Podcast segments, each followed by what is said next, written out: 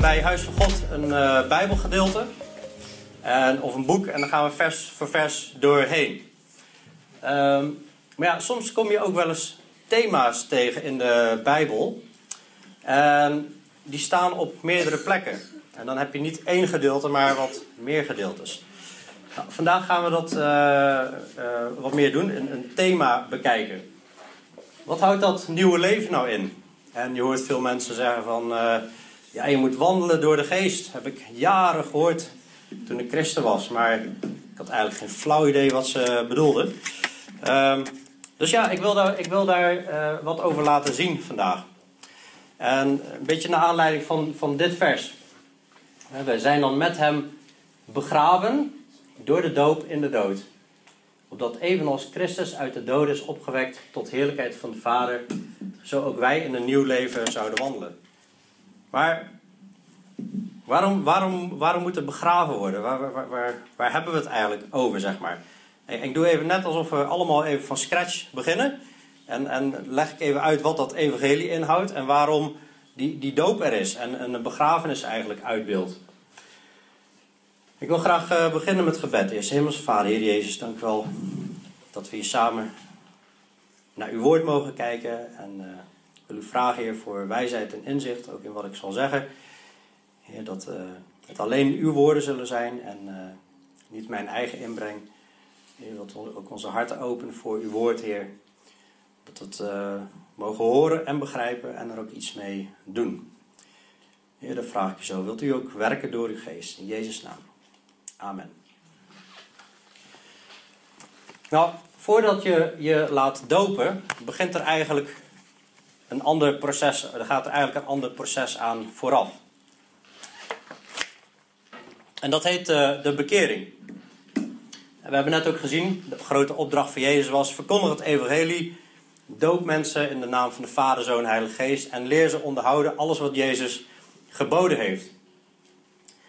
Maar wat houdt dat evangelie dan in? Het evangelie betekent letterlijk een goede boodschap. En dat is een, een Grieks woord.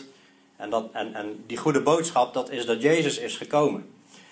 Maar waarom moet Jezus komen? Jezus die beweerde God te zijn in een lichaam van een mens. Nou, dat is best wel een zware claim. Als, als iemand dat claimt, dan zou ik verwachten dat hij daar bewijs voor levert. Maar misschien moeten we nog een stapje terug naar voren. Misschien zit er iemand vandaag die zegt: Ja, leuk verhaal, maar ik geloof überhaupt niet dat er een God bestaat. Maar de Bijbel zegt in de brief Romeinen 1 dat Gods eeuwige kracht en goddelijkheid gezien kan worden door de schepping. En dat we allemaal voor de troon van God zullen komen te staan. Echt, niemand zal een excuus hebben. Nou, hoe zie je dat dan door de schepping? Het is niet alleen maar de, de schoonheid en dat je je verwondert over de schepping. Ik had een collega die een keer uh, in een canyon was geweest in Frankrijk en terugkwam en daar helemaal zwaar onder de indruk was. Hoe ontzettend mooi dat was. En dat resoneert met ons, met ons hart en met ons denken. Maar als je ook kijkt naar ons lichaam, het DNA wat bijvoorbeeld in ons zit. Hè, er zijn 3 miljard karaktertekens. Dat is, een, dat is een complete codetaal. Dat is een programma wat wij uit kunnen lezen. We weten, als je een programma ziet, moet er ook een programmeur zijn. Het is informatie. En, en, informatie kan niet uit niets ontstaan. Dat, als je zegt dat dat kan, dan spreek je de logica uh, tegen. En zo zegt God eigenlijk van... mijn handtekening, mijn handschrift zit overal in, in de schepping. Vanuit de schepping kun je eigenlijk God zien en herkennen. Maar goed, God werkt op meer wegen. Hij kan ook zichzelf openbaren via andere manieren, via het woord van God. Uh, of dat je in één keer uh, ja, zomaar uh, tot overtuiging komt van ik, ik ga in God geloven. Um, op het moment dat je dan je gaat verdiepen in, in God en, en gaat onderzoeken van ja, wie is die God dan? Ik was 19, toen kwam ik tot geloof. En toen heb ik ook onderzocht van ja, waarom word ik geen uh, moslim of boeddhist of hindoeïst of, of christen? En toen heb ik gezien dat uh, wat Jezus heeft gedaan, is echt onvoorstelbaar. ja, als, je, als je die boeken bekijkt, er zijn vier mensen hebben zijn hele leven vastgelegd, nog vier mensen bevestigd. We hebben 27 boeken en daarvan hebben we duizenden kopieën, eh, hele oude schriften, zeg maar, manuscripten heten die. En als je kijkt wat hij daar allemaal doet, hij wandelde over het water, hij genas zieken, hij wekte mensen op uit de dood, hij dreef demonen uit. En eigenlijk het allergrootste wonder wat hij heeft gedaan, dat was de kruisdood, dat zal ik zo uitleggen. Maar daarna stierf hij en hij stond op uit de dood. Hij verscheen aan meer dan 500 mensen. En dat is dus allemaal vastgelegd op papier. Dat, dat, dat, dat, waren, dat waren geen hallucinaties van mensen. Dat 500 mensen in één keer dezelfde hallucinatie hadden. Dat, dat, bestaat niet. Hij is ook op verschillende momenten verschenen. Nou, als, als iemand laat zien dat hij macht heeft over leven en dood, dan vind ik dat geloofwaardig genoeg. En dat uh, die persoon kan zeggen: Ik handel uh, als God, zeg maar. Dan, dan geloof ik ook uh, wat heeft gedaan. Vorige week hebben we de preek van Stan gehoord. En die heeft ook gezegd: Uiteindelijk komt het hierop neer. Wie zeg jij dat Jezus is? En als je kan zeggen: U bent de Christus, u bent degene die komen zou, waar 30 profeten 350 profetieën over hebben gegeven. U bent dat. Jezus is die Messias, de zoon van de levende God. Dan ontvang je eeuwig leven. Maar waarom hebben we nou eeuwig leven nodig? Wat, wat, houdt dat in? Nou, de Bijbel legt duidelijk uit dat dit lichaam van vlees en bloed gaat een keer sterven. Dat gaan we afleggen. Daar hoeven we niet lang over te discussiëren. En dan um, zegt de Bijbel dat er leven is na de dood. Dat we allemaal voor de troon van God komen te staan en daar verantwoording gaan afleggen. En dan is het of linksaf naar het paradijs met God, met Jezus, of rechtsaf is er een poel van vuur. En dat laatste klinkt natuurlijk ontzettend bruut, vooral als je beseft dat het allebei eeuwig is. Maar dit was wel de boodschap die Jezus kwam brengen. En de boodschap was ook van, hoe, hoe ontsnap je nou aan die poel van vuur? Want God heeft ons niet gemaakt voor zoiets. Hij wil een, een liefdevolle vriendschap met ons hebben. Maar er is een probleem en dat is de zonde. De zonde staat in de weg. Die staat tussen God en de, en de mensen in. En, en God heeft verschillende eigenschappen. Hij is heilig, hij is rechtvaardig, maar hij is ook liefdevol. En omdat hij ontzettend heilig is, kan er geen enkele zonde bij God komen. En het is ook niet zo dat onze goede daden het, het slechte gaan compenseren. Geen enkele zonde kan bij God komen. Dus als je wel eens hebt gelogen, of als je wel eens hebt gestolen, of als je wel eens Gods naam verkeerd hebt gebruikt, oh my God, Jezus Christus, God verdoe mij, al die woorden zeg maar, dan misbruik je zijn heilige naam. Dat vindt hij heel erg. Of als je met, met lust naar iemand hebt gekeken waar je niet mee getrouwd bent en begeert in je hart, dat, dat, dat stelt hij als overspel, hoererij, zeg maar. En dat, dat ziet hij als zonde. Hij heeft dat voor het huwelijk bedoeld, zeg maar. En ja, dan merk je al snel, die lat die ligt eigenlijk best wel hoog. Er is eigenlijk geen mens die daaraan kan voldoen. Ik ook niet. Ik kan daar niet aan uh, voldoen. Maar uh, wat, wat, wat, wat heeft God gedaan? Hij heeft gezegd, ja, aan de ene kant, ik ben heilig. Zonde kan niet bij God komen. Dus de zondaars ook niet. De weg is afgesneden. Hij is rechtvaardig, hij moet die zonde oordelen. Maar hij is ook liefdevol en, en genadig. En daarom heeft God zijn zoon geofferd, is Jezus geofferd aan het kruis, heeft zijn bloed gevloeid. Ze noemen hem ook het lam van God. En zodat hij in jouw plaats kon sterven, zeg maar. Maar dat wil niet zeggen dat hij dan zomaar voor iedereen even, even sterft. Je moet er iets voor doen. Wat je ervoor moet doen is in hem geloven. En je vertrouwen in hem stellen betekent dat en als je iemand gelooft, zeg maar, als jij gelooft dat Jezus de weg, de waarheid en het leven is, dat niemand tot de Vader komt dan door Jezus, dan uh, ontvang je eeuwig leven. Dan vraag je vergeving van je zonden, worden je zonden weggewassen. En zo kun je weer de vriendschap met God hersteld krijgen. En, en dan ga je lezen uit zijn woord wat zijn plan is voor je leven. En zo uh, heb je weer een, een vriendschap, een, een, relatie. En je mag weer bidden tot God. En Jezus die die zit daar en die ontvangt onze gebeden als hoge priester. En, en, die, en die helpt ons, die geeft ons genade en barmhartigheid om ons te helpen op het juiste ogenblik. Nou, op het moment dat je tot geloof komt, dan zegt hij eigenlijk dan sterf je. Dan leg je je oude leven leg je af. Je bent dan gekruisigd met Jezus, zeg maar, en gaat vanaf dat moment met hem leven. Nou, als je je laat kruisigen, uh, we gaan ons niet echt aan een kruis laten hangen, maar jouw oude ik, die leg je af, die kruisig je met Christus. Dan uh, heb je iets wat begraven moet worden. Dat is die, die oude ik. En dat is de reden waarom we dopen. Dat is ook de reden waarom we onder water dopen. Doop in het, in, Griekse, in het Griekse uh, grondtekst, zeg maar. Dat betekent ook gewoon letterlijk onderdompelen. En een begrafenis, dat doe je ook altijd met het hele lichaam onder water. Ik heb nog nooit een begrafenis gezien waar alleen maar het hoofd bijvoorbeeld begraven werd. Daarom begraven wij, gaan we helemaal onder water. Nou, we zijn met hem begraven door de doop in de dood, opdat evenals Christus uit de doden is opgewekt tot heerlijkheid van de Vader, zo ook wij in een nieuw leven zouden wandelen. Nou, dat nieuwe leven, wat houdt dat in? We gaan natuurlijk, als je de Bijbel leest, heb je de eerste twee hoofdstukken van de Bijbel, had je een paradijs. En de laatste twee hoofdstukken van de Bijbel heb je ook een paradijs. En wij zitten in die fase ertussenin. De mensen zijn in opstand gekomen tegen God en is uit het paradijs gevallen en God wil dat ze weer terugkomen. En via Jezus kun jij weer terug naar die herstelde staat. Dat is natuurlijk het nieuwe leven. Er zal geen pijn meer zijn, geen dood meer zijn, geen moeite meer zijn. Alle tranen zal hij van de ogen wissen. En dat wordt een, een totaal nieuw leven. Maar in de tussentijd is dat nieuwe leven ook al begonnen. Maar er is een probleempje. We zitten nog vast aan een gebroken schepping. Die nieuwe mens binnenin ons zit dan vast aan de oude mens, die nog steeds wil zondigen. En dat botst met elkaar. Maar toch kunnen wij in dat nieuwe leven gaan wandelen. En daar hebben we iets, of eigenlijk iemand, voor nodig. En dat is het werk van Gods geest. Gods geest, Stan zei het vorige week ook al, wij worden opgeroepen om de gemeente te bouwen. Jezus zei, ik ga mijn gemeente bouwen, alleen Jezus is er niet meer. Jezus, Jezus is weg, hij zit aan de rechterhand van de troon van God. En hij wil nu dat wij die gemeente gaan bouwen. En hij moest weg, zodat die Heilige Geest kon komen. En die gaat ons helpen. Maar wat doet die Heilige Geest? We hebben eigenlijk hele strakke scheidslijn. Of je leeft in duisternis, of je leeft in het licht. Bij God is er geen grijs gebied. In de Bijbel komt geen grijs gebied voor. Het eerste wat de Heilige Geest doet is overtuigen. Nou, waar overtuigt hij van? Hij overtuigt van zonde, gerechtigheid en oordeel.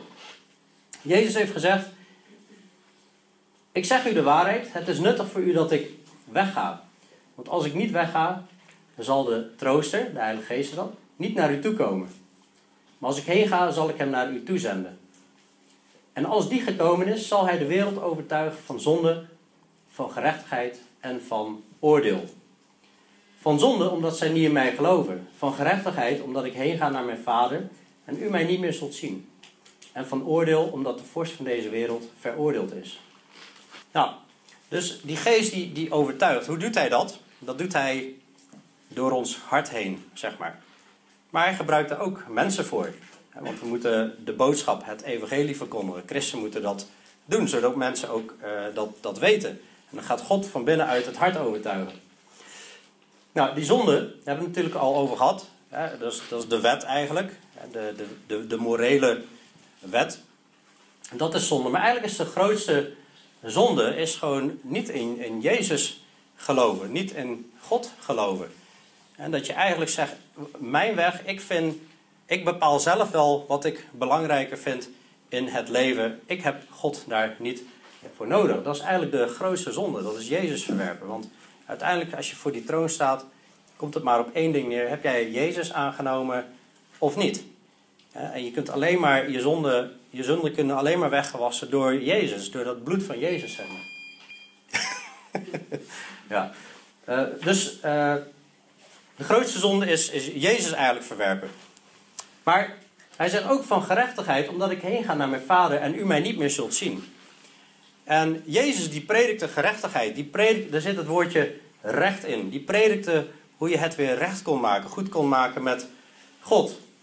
Jezus ging heen naar de Vader en nu hebben we de Heilige Geest die door ons heen die boodschap verder vertelt. En ook van oordeel, omdat de vorst van deze wereld veroordeeld is. De vorst van deze wereld, dat is Satan. Op het moment dat Jezus stierf aan dat kruis, is ook de hele wet en, en, en mensen die in hem geloven, ook de oude mens, is gestorven aan dat kruis. Als de wet genageld is aan het kruis, heeft Satan geen macht meer om iets uh, te doen tegen ons. En Jezus heeft hem op dat moment ook veroordeeld. Ga je naar het drie na laatste hoofdstuk van de Bijbel, dan lees je ook dat hè, er komt een oordeel voor de grote witte troon. En dan heb je de Satan en zijn engelen worden geworpen in de poel van vuur. Maar ook iedereen wiens naam niet staat geschreven in het boek van het leven. dus, dus Satan is al geoordeeld en uh, dat oordeel is ook belangrijk om te vertellen, omdat je anders niet uit kan leggen wat het evangelie is, wat die goede boodschap is. Het volgende wat de Heilige Geest doet, is Jezus openbaren aan de mensen die nog in de duisternis leven. Hij zegt tegen de uh, Korinthe gemeente, Korinthe was een plaats in uh, Griekenland, en daar was een kerk ontstaan. En dan zegt de apostel Paulus tegen hen, u weet dat u heidenen was, niet joden, weggetrokken naar de stomme afgoden, zo liet u zich meevoeren. Daarom maak ik u bekend dat niemand die door de geest van God spreekt zegt, Jezus is een vervloekte. Ook kan niemand zeggen, Jezus is Heere, dan door de Heilige Geest. Dus als iemand zegt Jezus Heer, dan, dan is dat het werk van de Heilige Geest. Alleen sommigen denken dat op het moment dat je zegt ja, Jezus is Heer, dat je dan automatisch een kind van God bent. En dat is in mijn optiek een, een, een denkfout. En dan zal ik ook laten zien waarom. Want Jezus zegt zelf, uh, al in een van zijn eerste preken in Matthäus, niet ieder die tegen mij zegt, Heere, Heere, zal binnengaan in het koninkrijk de hemelen. Maar wie de wil doet van mijn Vader die in de hemel is. We leren op andere plekken dat je alleen maar door het geloof gered wordt. Je vertrouwen stellen in Jezus. Maar dan, omdat je hem gelooft, ga je ook zijn wil doen. Dat heet de, de bekering. Als iemand zich niet bekeert en gewoon doorgaat in zonde en zegt: Ja, Jezus is ook mijn Heer. Dan zullen, zelfs ongelovigen zeggen: Maar wat ben jij hypocriet, zeg? Dat, dat klopt toch niet? Eh, we hebben dingen op het nieuws gezien in de afgelopen jaren van mensen die zeggen in de naam van God te handelen en, en, en totaal andere daden verrichten. Nou, mensen, mensen gruwelen daarvan, dat is verschrikkelijk. En dan zegt hij velen, hè, dus niet, niet een paar mensen of zo, velen zullen op die dag zeggen tegen mij, Heere, Heere, hebben wij niet in uw naam geprofiteerd, in uw naam demonen uitgedreven en in uw naam veel krachten gedaan? En dan zal ik hun openlijk zeggen, ik heb u nooit gekend. Ga weg van mij, u die de wet, wetteloosheid werkt. Dus mensen die niet in gehoorzaamheid wandelen, die zijn eigenlijk geen kind van God, zegt hij.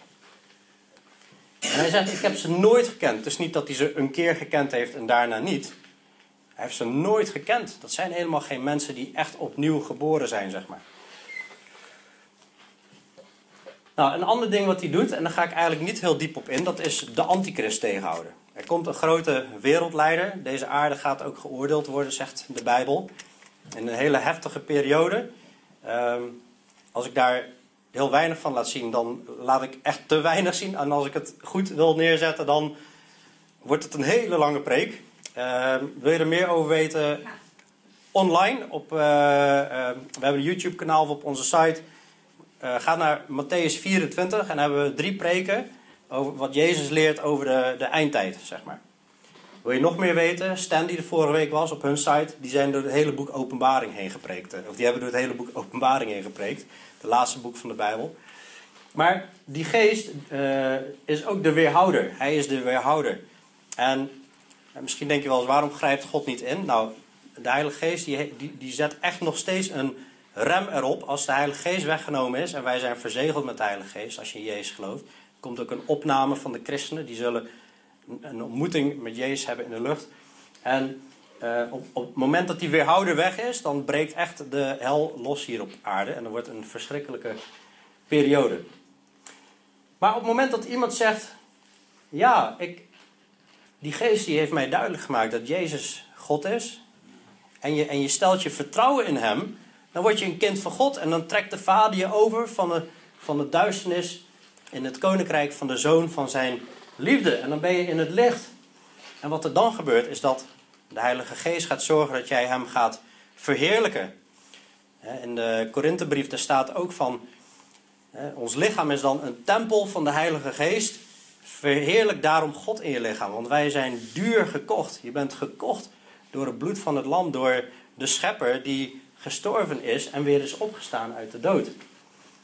Want dat had Jezus ook gezegd, maar wanneer die komt, de geest van de waarheid, zal hij u de weg wijzen in heel de waarheid. Nou, we vinden hier ook de waarheid. Hij zal ons daarin de weg wijzen. Hij zal niet vanuit zichzelf spreken, maar wat hij gehoord zal hebben, zal hij spreken. Hij zal de boodschap van Jezus op ons hart drukken, dat we dat gaan doorvertellen. En de toekomstige dingen zal hij u verkondigen. Nou, hij heeft ons ook de toekomstige dingen verkondigd. Hij heeft, nadat Jezus is opgegaan, hebben wij nog veel meer informatie vanuit de apostelen gekregen over de, de hele toekomst en het, het grote plan van God over de eindtijd. Die zal mij verheerlijken, die geest. Hij zal het uit het mijne nemen en het u verkondigen. En daarom prijzen we Jezus. Daarom aanbidden we Hem. Niet alleen maar met onze monden op zondagmorgen, maar de Heer wil dat je gewoon 24-7 elke dag Hem prijst en Hem de eer geeft in je, in je, in je leven. Door uh, te wandelen op de manier zoals Hij dat wil. Daarmee verheerlijk je God. En dat is echt een transformatie in je denken. Daarom preken we ook uit de Bijbel. Dat is niet om informatie te vergaren. Het is niet voor de informatie, maar voor de, voor de transformatie in je, in je denken. Want ja, de wereld denkt zo anders dan God. Dat staat gewoon bijna haaks op elkaar. Of nou, dat bijna kun je eigenlijk wel weglaten. Een ander punt wat de Heilige Geest doet, dat is levensheiliging. En daar wordt niet meer zoveel over gepreekt tegenwoordig. Maar dat is, dat is iets wat heel erg veel voorkomt in de Bijbel. En dat is dat je hem gaat gehoorzamen, hem gaat volgen en niet hypocriet dat oude leven leiden in de zonde. Jezus is verbrijzeld om onze, ons van de zonde te reinigen. En dat zou heel raar zijn als je daar dan in doorgaat. Nou, dus even een stukje, maar hij zegt, Paulus zegt tegen Gelaten, dat was een provincie in Turkije, hij zegt, wandel door de geest en u zult zeker de begeerte van het vlees niet volbrengen. Nou, dat hoor, hoor ik mensen heel veel zeggen. Je moet wandelen door de geest. Er was op een gegeven moment iemand die zei tegen mij, Och, als die Philip gaat wandelen door de geest, dan gaan er echt bijzondere dingen gebeuren. Nou, ik dacht eerst, hé, hey, dat is best wel een eh, compliment. Maar toen ging ik naar huis en dacht van, wat bedoelt hij nou eigenlijk? Ik wandel toch met de Heer. En ik begon te twijfelen en ik, ik, ik werd er eigenlijk een beetje onzeker van. Ik denk, dat, ziet hij iets wat ik dan niet goed doe of zo? Maar wat hij uiteindelijk bedoelde is dat hij uh, hoopte dat ik wonderen en tekenen zou gaan doen, zeg maar. Maar wandelen door de geest wordt hij eigenlijk heel anders uitgelegd. Hij zegt, want het vlees begeert tegen de geest in. Ons vlees, dat is die oude zondige natuur. Dat begeert tegen de geest in. En de geest tegen het vlees in. En die staan tegenover elkaar alsof je een, een, een bokswedstrijd hebt. Er staan twee gasten tegenover elkaar en, en die willen elkaar eigenlijk uh, uitroeien, zeg maar. Die staan tegenover elkaar zodat u niet doet wat u zou willen. Als u echter door de geest geleid wordt, bent u niet onder de wet. Want mensen die in zonde leven, die zijn nog onder de wet. Dat wordt geoordeeld.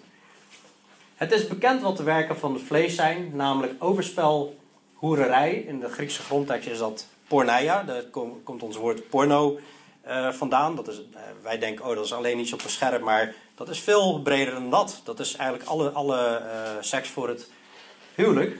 En ja, goed, sorry, er zitten jongere kinderen bij, maar ze horen toch al van die dingen op school. Dat hebben wij al ontdekt. Dus ja, ze kunnen niet vroeg genoeg van de kant van, van God horen.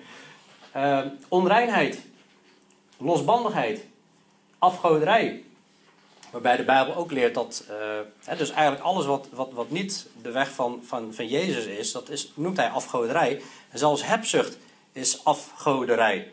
Hebzucht, uh, ja, daar hebben we hier in het Westen best wel last van. Er is zoveel te hebben, hebben, hebben. Toverij zit ook uh, het woord drugsgebruik in, inbegrepen. Vijandschap, ruzie, afgunst, woedeuitbarstingen, egoïsme, ikke, ikke, ikke. En de rest kan stikken. Hè? Ik ken die kreet wel. Maar ja, ik weet niet. Uh, ik heb bij verschillende bedrijven gewerkt in het verleden. En uh, bij elk bedrijf zie ik echt van, van die elleboogwerkers. Die gaan echt over lijken. En het interesseert hen allemaal niks. Maar uh, die, die, die lopen mensen gewoon kapot om zelf hogerop te komen. Zwaar egoïst. Maar ik ben van nature ook gewoon een egoïst. En volgens mij denkt iedereen eigenlijk wel aan zijn eigen hachie. Oneenigheid.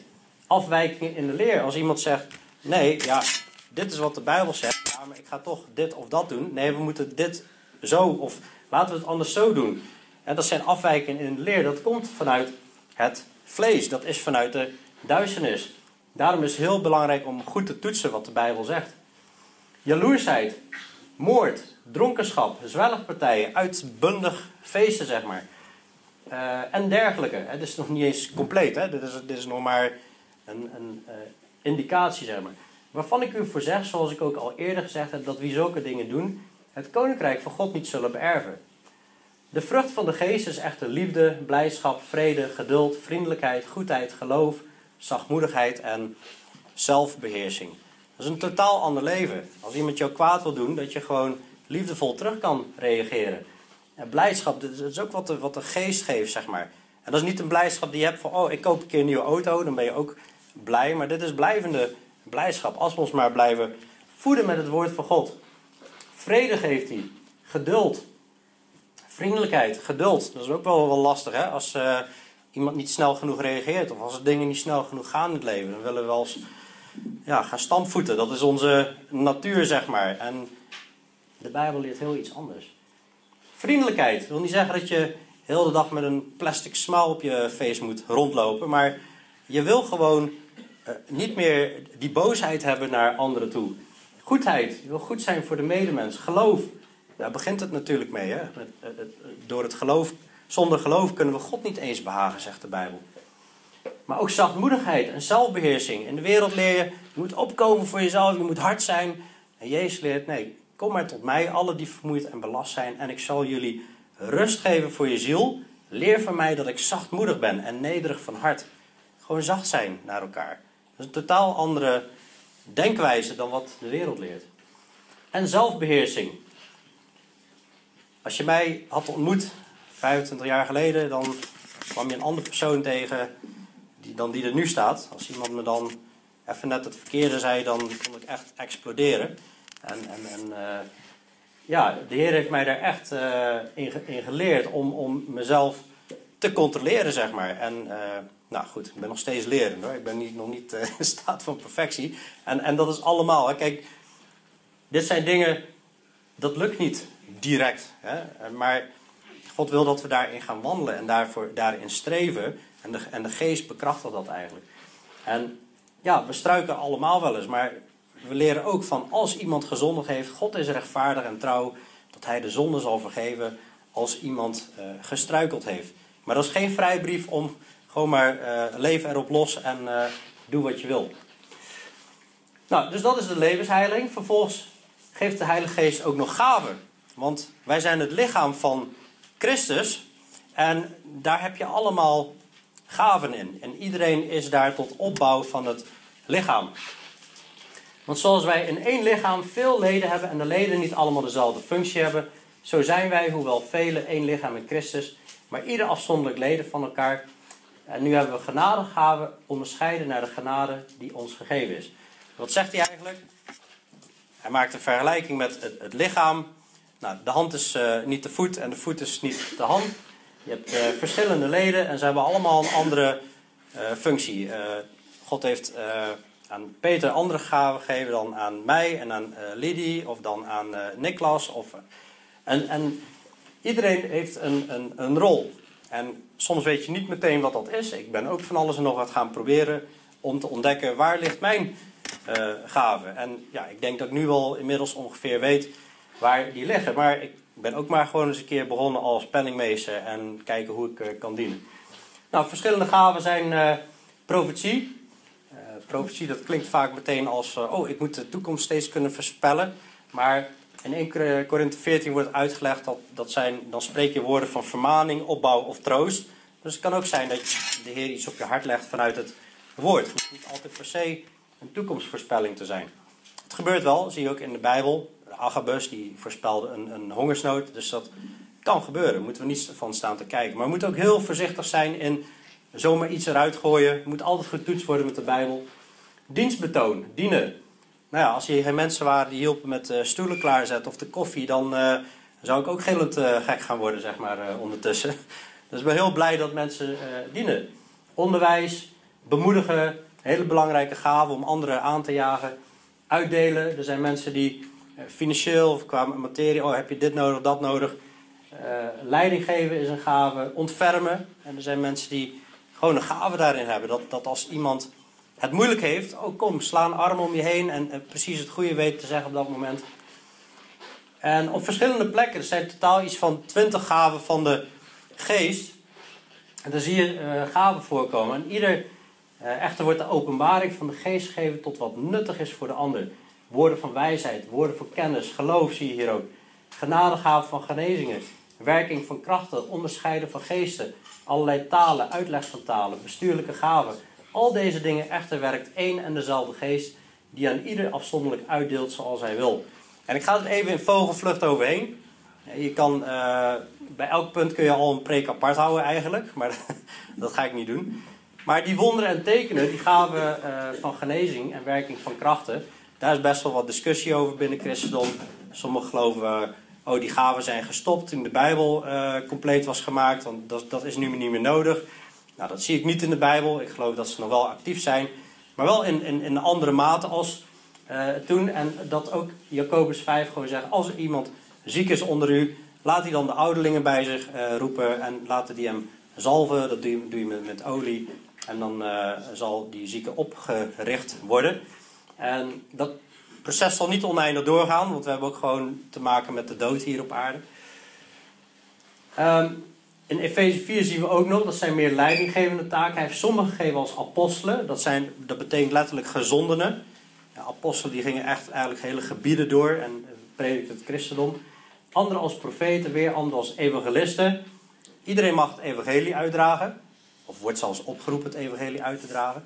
Maar er zullen mensen zijn die de Heer roept om hun tijd daar volledig aan te gaan besteden. En die uh, op een of andere manier ook gewoon die gaven hebben. En nog weer anderen als herders en leraars. Om de heilige toe te rusten tot het werk om te kunnen dienen tot opbouw van het lichaam van Christus. Dus het is heel belangrijk om ook je gaven te gaan ontdekken. En daar willen wij ook gewoon heel graag mee helpen.